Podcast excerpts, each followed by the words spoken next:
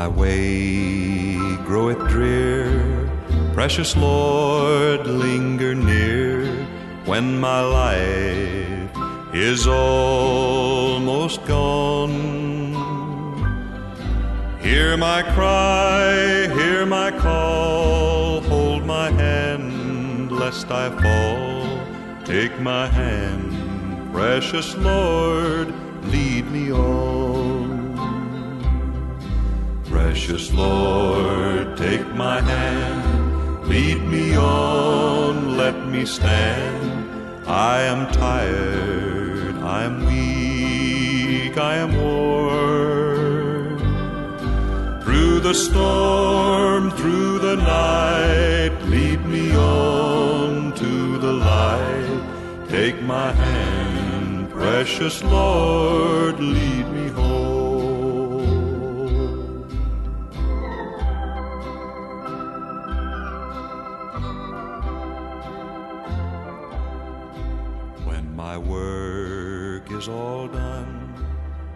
my rage.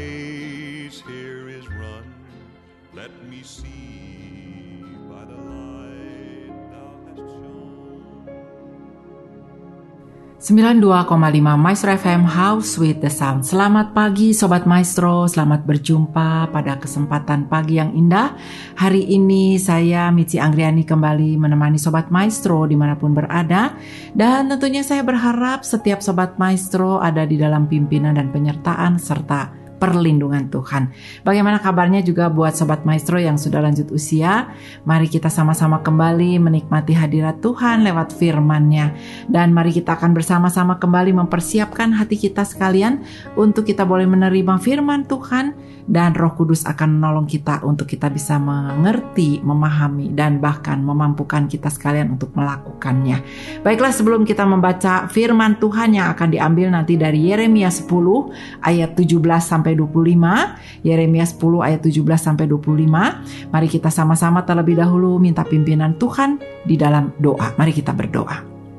Terima kasih Tuhan Yesus, kami mengucap syukur kepadamu ya Bapak buat penyertaan dan pimpinan kasih setia Tuhan dan berkat-berkat-Mu.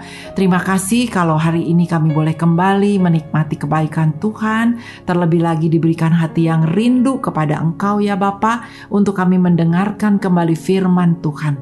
Apa yang Tuhan ingin katakan kepada kami ya Roh Kudus, mari Engkau yang memberikan kepada kami pengertian dan hikmat. Tolong kami ya Tuhan, supaya kami bukan hanya mendengarkan, bukan hanya sekedar mengerti, tetapi juga juga kami dimampukan untuk melakukan setiap firman Tuhan. Mari Roh Kudus, sucikan dan kuduskan kami semua, layakkan kami di hadapan Tuhan dan berbicaralah kepada kami. Kami sedia untuk mendengarkannya. Di dalam nama Yesus Kristus kami mohon. Haleluya. Amin. Amin. Sobat Maestro kita akan sama-sama membaca Yeremia pasal 10 dari ayat yang ke-17 sampai ayat yang ke-25 dari satu perikop mengenai Yehuda menjadi sunyi sepi. Angkutlah barang-barangmu dari negeri ini, hai orang-orang yang berada dalam pengepungan, sebab beginilah firman Tuhan: Sesungguhnya sekali ini aku akan melemparkan penduduk negeri ini, dan aku akan menyesakkan mereka supaya mereka merasakannya. Celakalah aku karena penyakitku, lukaku tidak tersembuhkan Aku berpikir, ah, inilah suatu kepedihan yang harus kutanggung. Kemahku sudah rusak dan semua talinya sudah putus. Anak-anakku telah pergi daripadaku, tidak ada lagi. Tidak ada lagi yang mendirikan kemahku dan yang membentangkan tendaku. Sungguh, gembala-gembala sudah menjadi bodoh. Mereka tidak menanyakan petunjuk Tuhan Sebab itu mereka tidak berbahagia dan seluruh binatang gembalaan Terdengarlah suatu berita bunyinya, paran besar akan datang dari tanah sebelah untuk membuat kota-kota Yehuda menjadi sunyi persembunyian serigala-serigala. Aku tahu ya Tuhan bahwa tidak berkuasa untuk menentukan jalan dan orang yang berjalan tidak berkuasa kan langkahnya. Hajarlah aku ya Tuhan, tetapi dengan selayaknya, jangan dengan murkamu, supaya aku jangan kau binasakan. Tumpahkanlah kepanasan amarahmu ke atas bangsa yang tidak mengenal engkau, ke atas kaum-kaum keluarga yang tidak menyerukan namamu, sebab mereka telah memakan Yakub dan menghabisinya, dan membuat tempat kediamannya menjadi puing. Sobat Maestro sampai sedemikian jauh pembacaan firman Tuhan Biarlah setiap kita boleh mendengarkan, merenungkannya, dan kita uh, menghayatinya dalam kehidupan kita, serta apa yang baik kita lakukan untuk kita boleh uh, menjalankan setiap firman Tuhan di dalam hidup kita. Sobat Maestro, setiap orang yang hidup ini pasti pernah mengalami kecewa, dan setiap orang memang harus belajar bagaimana mengatasi kekecewaan di dalam hidupnya. Kita sekalian Sobat Maestro tentunya mengetahui apa artinya impian kita menjadi berantakan dan rencana kita berubah. Ada kalanya Sobat Maestro, kekecewaan menghancurkan seseorang sehingga seluruh hidup emosinya menjadi cacat. Akan tetapi ada orang yang dapat bangun dari impian yang berantakan dan hidup di dalam kemenangan.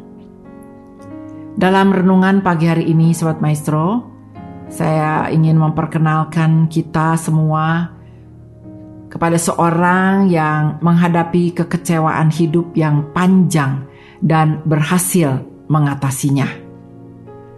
Jika pernah ada seorang yang mengalami berbagai kekecewaan dan bencana pribadi, dialah Nabi Yeremia. Dia dipanggil untuk melayani Allah pada waktu yang sangat sulit, dan dia diberi satu berita yang sukar untuk diumumkan, sebab Allah menyuruh dia untuk memperingatkan bangsanya bahwa akan datang penghukuman dan lebih baik mereka bertobat. Yeremia melayani Tuhan dengan setia selama lebih dari 40 tahun Sobat Maestro. Dia tidak pernah kompromi tetapi keluarganya memusuhi dia, dan pada akhirnya seluruh bangsa juga memusuhi dia. Dalam hidupnya, dia melihat bangsanya dikalahkan oleh musuhnya, dan kota yang dicintai juga, serta bait Allah dihancurkan total. Jika pernah ada seorang yang hatinya sangat hancur, dialah Yeremia. Sehingga, sobat maestro, di dalam kitab Ratapan yang ditulis oleh Yeremia sendiri menunjukkan bagaimana air mata Yeremia hampir pada setiap ayat. Bayangkan sobat maestro dia melayani Allah seluruh hidupnya dan pada akhirnya dia melihat semuanya berantakan. Yeremia bisa saja mati sebagai orang yang hatinya pahit dan kepribadiannya hancur. Tetapi dia tidak demikian. Dengan kekuatan dari Tuhan, dia mampu menghadapi dan menerima semua kenyataan. Sobat Maestro, banyak penyataan di dalam nubuatan Yeremia yang memberi indikasi tentang keberaniannya dan tentang imannya. Tetapi ada satu ayat di dalam Yeremia 10 ayat 19 yang tadi kita sudah baca juga, dikatakan demikian, Celakalah aku karena penyakitku, lukaku tidak tersembuhkan. Aku berpikir, ah inilah suatu kepedihan yang harus kutanggung. Sobat Maestro, pernyataan ini merupakan salah satu pernyataan iman dan kesetiaan yang terbesar yang terdapat di dalam Alkitab. Mari kita mau belajar dari Nabi Yeremia, Sobat Maestro, bagaimana menghadapi dan mengalami atau mengalah mengalahkan kekecewaan di dalam kehidupan. Sobat Maestro, saya percaya setiap kita pernah mengalami kecewa.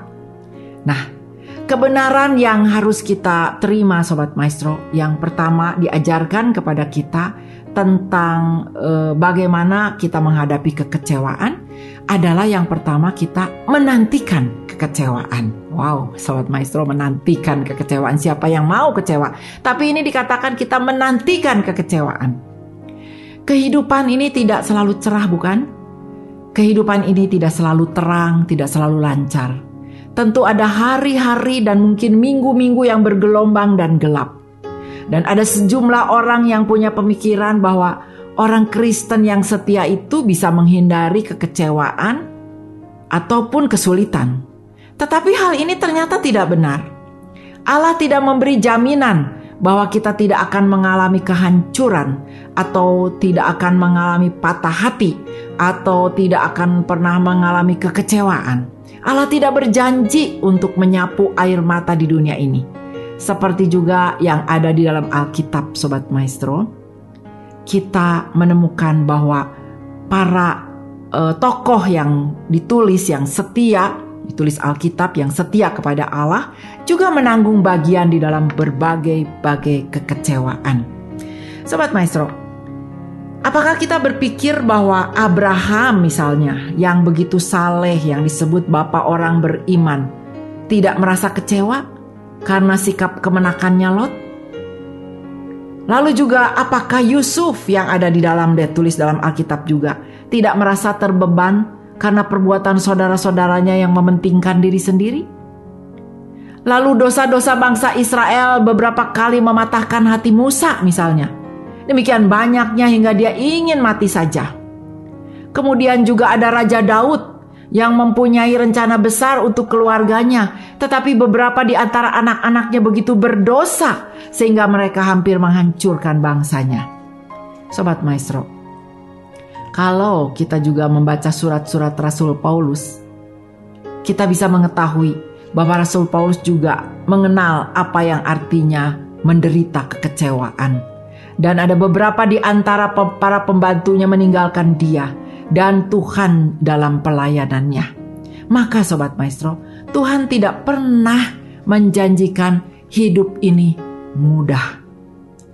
Sobat maestro, oleh sebab itu kita harus siap menantikan datangnya kekecewaan. Karena inilah hidup Sobat Maestro. Hidup itu suatu saat atau kapan saja kita pasti mengalami kekecewaan. Sobat Maestro Yeremia itu tidak mencoba membodohi dirinya sendiri dengan pikiran bahwa segala sesuatu adalah baik. Dikatakan celakalah bagiku karena penyakitku tulisnya. Lukalah lukaku tidak tersembuhkan dikatakan. Sobat Maestro, Yeremia mengaku bahwa perasaan hatinya hancur. Dia dengan terang-terangan mengaku bahwa dia telah dilukai oleh mereka yang seharusnya membuat dia suka cita. Menantikan kekecewaan Sobat Maestro. Ini merupakan salah satu fakta yang sangat berat di dalam kehidupan ini.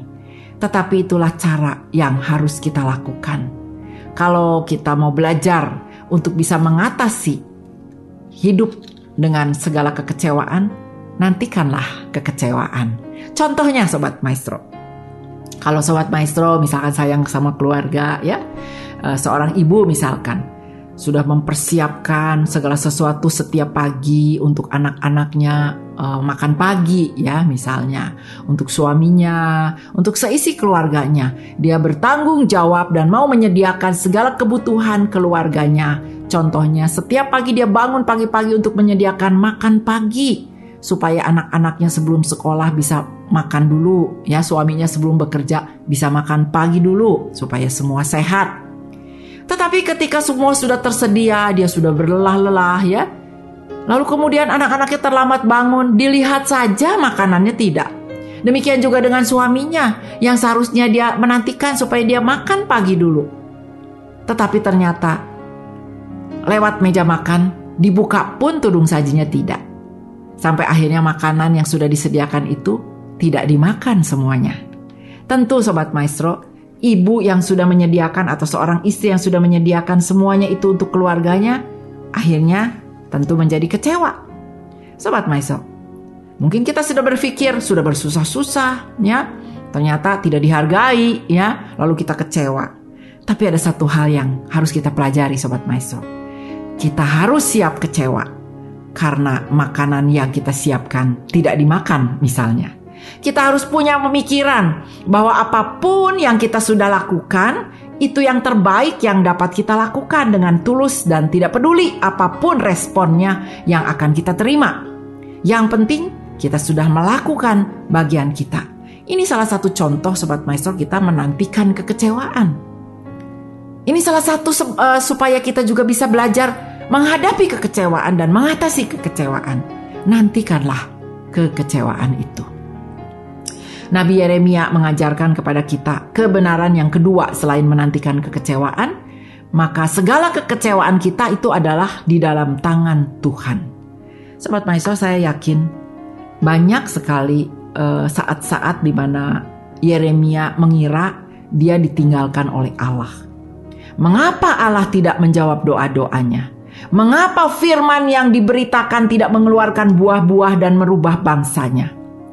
Apakah benar berguna tetap melayani orang-orang yang begitu keras hati? Tapi Allah tahu apa yang terjadi dan Allah yang memerintah dan menguasai hidup Yeremia. Allah mengizinkan Yeremia sebagai pelayan yang menderita. Allah melindungi Yeremia pada waktu raja mau membunuh dia dan Allah menyediakan segala sesuatu hingga dia tidak kelaparan dan Allah juga mengetahui bagaimana Yeremia akan mati dan dia tidak menghalang-halang itu. Allah selalu beserta meskipun Yeremia tidak melihat. Dia Allahnya selalu beserta dan merasakan bagaimana apa yang dirasakan oleh Yeremia dan Yeremia juga merasakan kehadirannya. Sobat Maestro, kebohongan yang pertama yang dibisikkan oleh musuh kita si iblis kalau kekecewaan itu datang adalah bisikannya begini. Allah sudah meninggalkan engkau. Allah sudah meninggalkan engkau. Sobat Maestro, kalau ada Sobat Maestro saat ini yang mungkin saudara yang sedang sakit saat ini mungkin uh, menerima laporan dari dokter dan laporan itu tidak sesuai dengan yang kita harapkan. Lalu kita berdoa, kita baca firman Tuhan, kita menuntut janji-janji Tuhan, tapi tetap kekecewaan tiba. Apa ini berarti bahwa Tuhan meninggalkan kita? Tidak, bukan. Apa ini berarti kita yang meninggalkan Allah? Belum tentu juga. Seperti Yeremia, Yeremia setia untuk melayani Tuhan sampai pada titik kematian, tetapi akhirnya dia tidak hidup sampai dia dapat melihat impian itu untuk bangsanya tercapai. Sobat Maestro, ternyata diperlukan iman untuk percaya dan juga berdiam di mana saat-saat kita sedang kecewa dan kita harus yakin bahwa Allah masih tetap di atas tahtanya dan dia akan melakukan tujuannya yang luar biasa di dalam hidup kita kalau kita membiarkan Allah bekerja. Sobat Maestro, kalau kita memerangi keadaan, lalu kemudian kita menjadi pahit hati, maka Allah tidak dapat mengerjakan di dalam kita dan melalui kita hal yang sudah dipikirkan oleh Tuhan buat kita. Sebaliknya, kalau kita menyerah dan kita percaya akan Tuhan dan firman-Nya untuk dia melakukan apa yang terbaik bagi kita, maka segala sesuatu akan bekerja untuk kebaikan kita. Sobat Maestro, kita mau dengarkan pernyataan iman Yeremia pada saat dia menghadapi kekecewaan hidup yang berat. Dikatakan, celakalah aku karena penyakitku. Lukaku tidak tersembuhkan. Aku berpikir, ah inilah suatu kepedihan yang harus kutanggung. Itu dikatakan dalam Yeremia 10 ayat 19 Sobat Maestro. Dia tidak menyalahkan Allah atau orang lain. Dia tidak memberikan tugasnya kepada orang lain. Dia juga tidak melawan keadaan dan mencoba mengubah pikiran Allah. Tapi sebaliknya Sobat Maestro, Yeremia menerima dengan iman beban sakit hatinya dan dia percaya kepada Allah untuk mengerjakan kehendaknya yang sempurna. Sobat Maestro, ada satu hukum dasar dalam dunia ini yang mengatakan lawanlah kehendak Allah dan Anda akan hancur. Sebaliknya terimalah kehendak Allah dan Anda akan menang. Mana yang kita mau pilih Sobat Maestro dan mana yang kita mau lakukan? Saya percaya kita mau pilih yang kedua ya. Kita mau menerima kehendak Allah dan kita akan menang.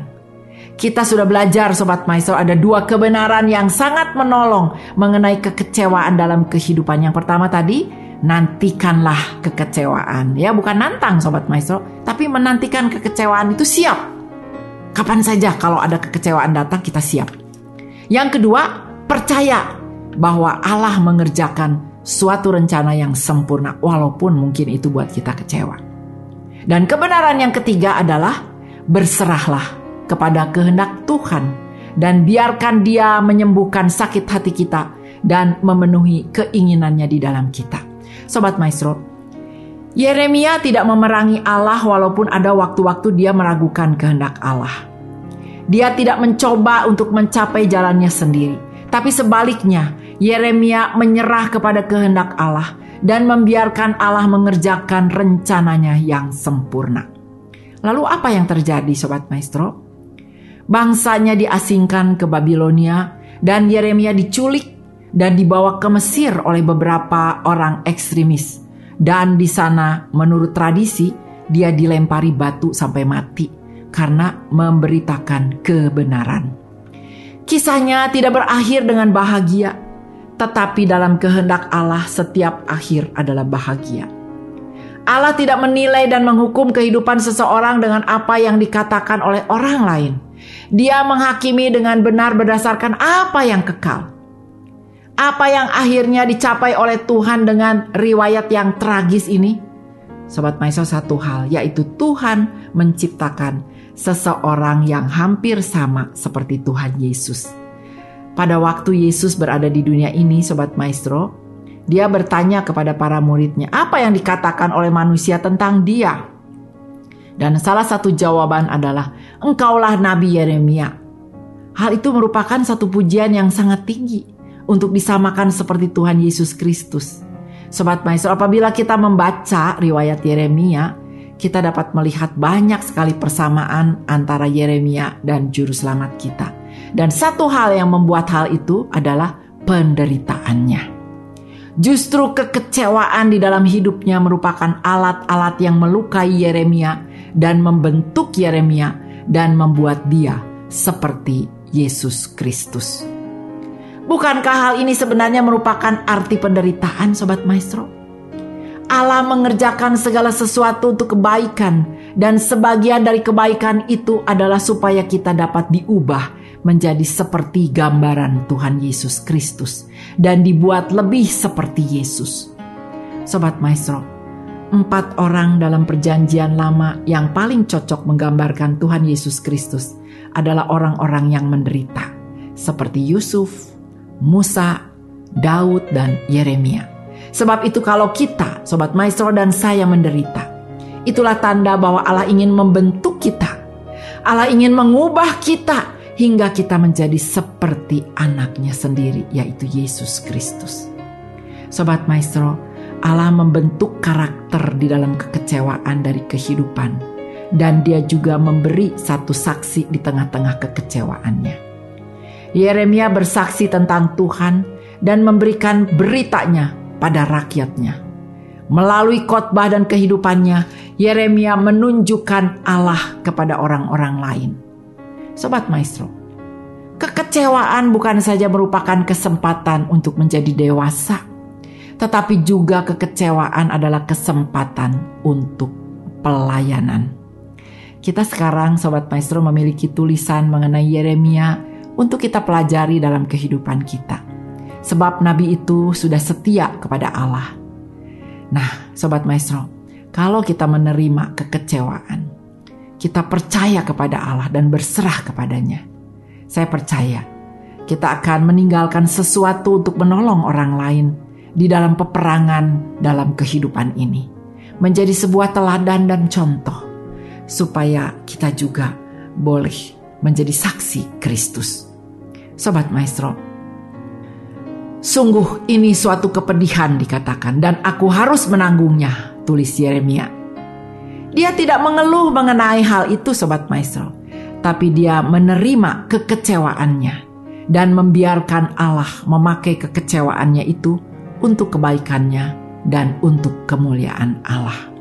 Sobat Maestro, saya tidak tahu seberapa banyak dari Sobat Maestro yang saat ini sedang mendengarkan mungkin sedang mengalami kekecewaan. Saya tidak tahu kecewa karena apa dan kepada siapa. Tetapi mari kita belajar dari masalah kekecewaan yang kita alami itu.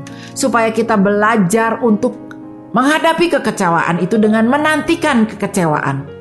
Walaupun kita bukan menantang kecewa itu datang, tapi kita menanti kekecewaan datang itu supaya kita siap. Dan ketika kita siap kecewa, Sobat Maestro, kita belajar untuk mempercayakan hidup kita kepada Tuhan. Tuhan akan memberi kekuatan kepada kita sekalian. Tuhan akan menolong kita Sobat Maestro. Dan di situlah kita akan melihat tangan Tuhan bekerja. berserah kepada kehendak Allah dan membiarkan Dia menyembuhkan sakit hati dan memenuhi keinginan-keinginan kita, Dia akan menolong kita. Sobat Maestro, mari. Apa pun itu kekecewaan bentuknya. Dan bagaimanapun masalah yang sedang kita hadapi, belajarlah untuk siap menanti kekecewaan. Dan belajarlah untuk kita juga uh, mempercayakan, belajar untuk mempercayakan segala sesuatunya ke dalam tangan Tuhan, termasuk kekecewaan yang dialami. Lalu berserahlah kepada kehendak Tuhan. Dan biarkan Tuhan memberikan kekuatan bagi kita sekalian memakai kekecewaan untuk kebaikan bagi kemuliaan nama Tuhan. Mari kita berdoa. Terima kasih Tuhan Yesus. Kami tahu banyak kekecewaan yang sering kali kami alami dalam kehidupan ini kekecewaan terhadap orang-orang yang kami kasihi, yang dekat dengan kami, kekecewaan kepada orang-orang yang mungkin ada di sekitar kami, bahkan kepada orang tua, kepada anak sendiri, bahkan kepada suami atau kepada istri, bahkan kepada pelayan-pelayan Tuhan, bahkan hamba-hamba Tuhan, bahkan sering kali mungkin ada di antara kami yang kecewa kepada Tuhan. Tuhan Yesus tolong supaya kami belajar untuk menghadapi kekecewaan dengan menantikan kekecewaan. Sehingga kami siap melakukan bagian kami dan kami mau belajar selain kami menantikan kekecewaan kami juga mau belajar untuk bisa uh, menyerahkan segala kekecewaan itu ke dalam tangan Tuhan dan kami mau belajar juga ya Bapak, bagaimana kami juga berserah kepada kehendak Tuhan. Sehingga ketika kami melakukan bagian kami, kekecewaan boleh datang, tetapi kami tetap percaya bahwa Tuhan selalu merancangkan yang baik bagi hidup kami. Terima kasih Tuhan Yesus, kami mengucap syukur buat firman-Mu pada pagi hari ini. Engkau yang menyembuhkan luka setiap hati yang kecewa. Tuhan yang mengangkat kami, memberikan kepada kami kemenangan, sehingga kami boleh berdamai dengan diri kami sendiri, berdamai dengan Tuhan, dan kami boleh menang dari setiap perasaan yang kecewa, perasaan sakit hati, kepedihan, atau apa pun juga, karena kami boleh percaya bahwa di dalam segala sesuatu mendatangkan kebaikan buat orang yang mengasihi Tuhan.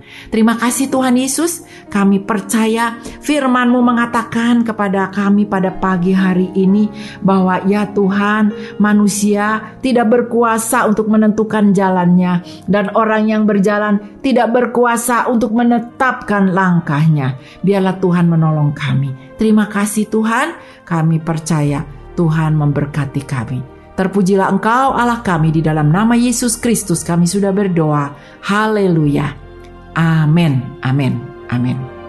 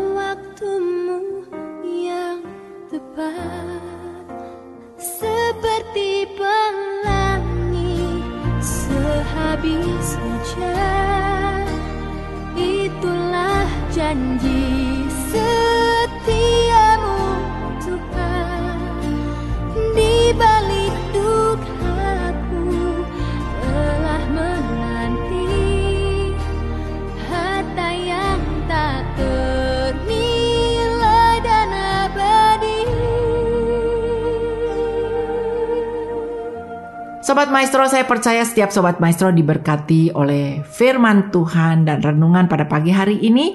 Biarlah setiap kita boleh menang dari kekecewaan, menantikan kekecewaan, tidak takut menghadapi semuanya, karena Tuhan beserta dengan kita. Baiklah Sobat Maestro, dari Geraha Maestro Jalan Kaca Piring 12 Bandung, saya Mitzi Anggriani akan segera undur diri. Tuhan memberkati kita semua. Shalom, damai sejahtera Tuhan beserta dengan kita sekalian.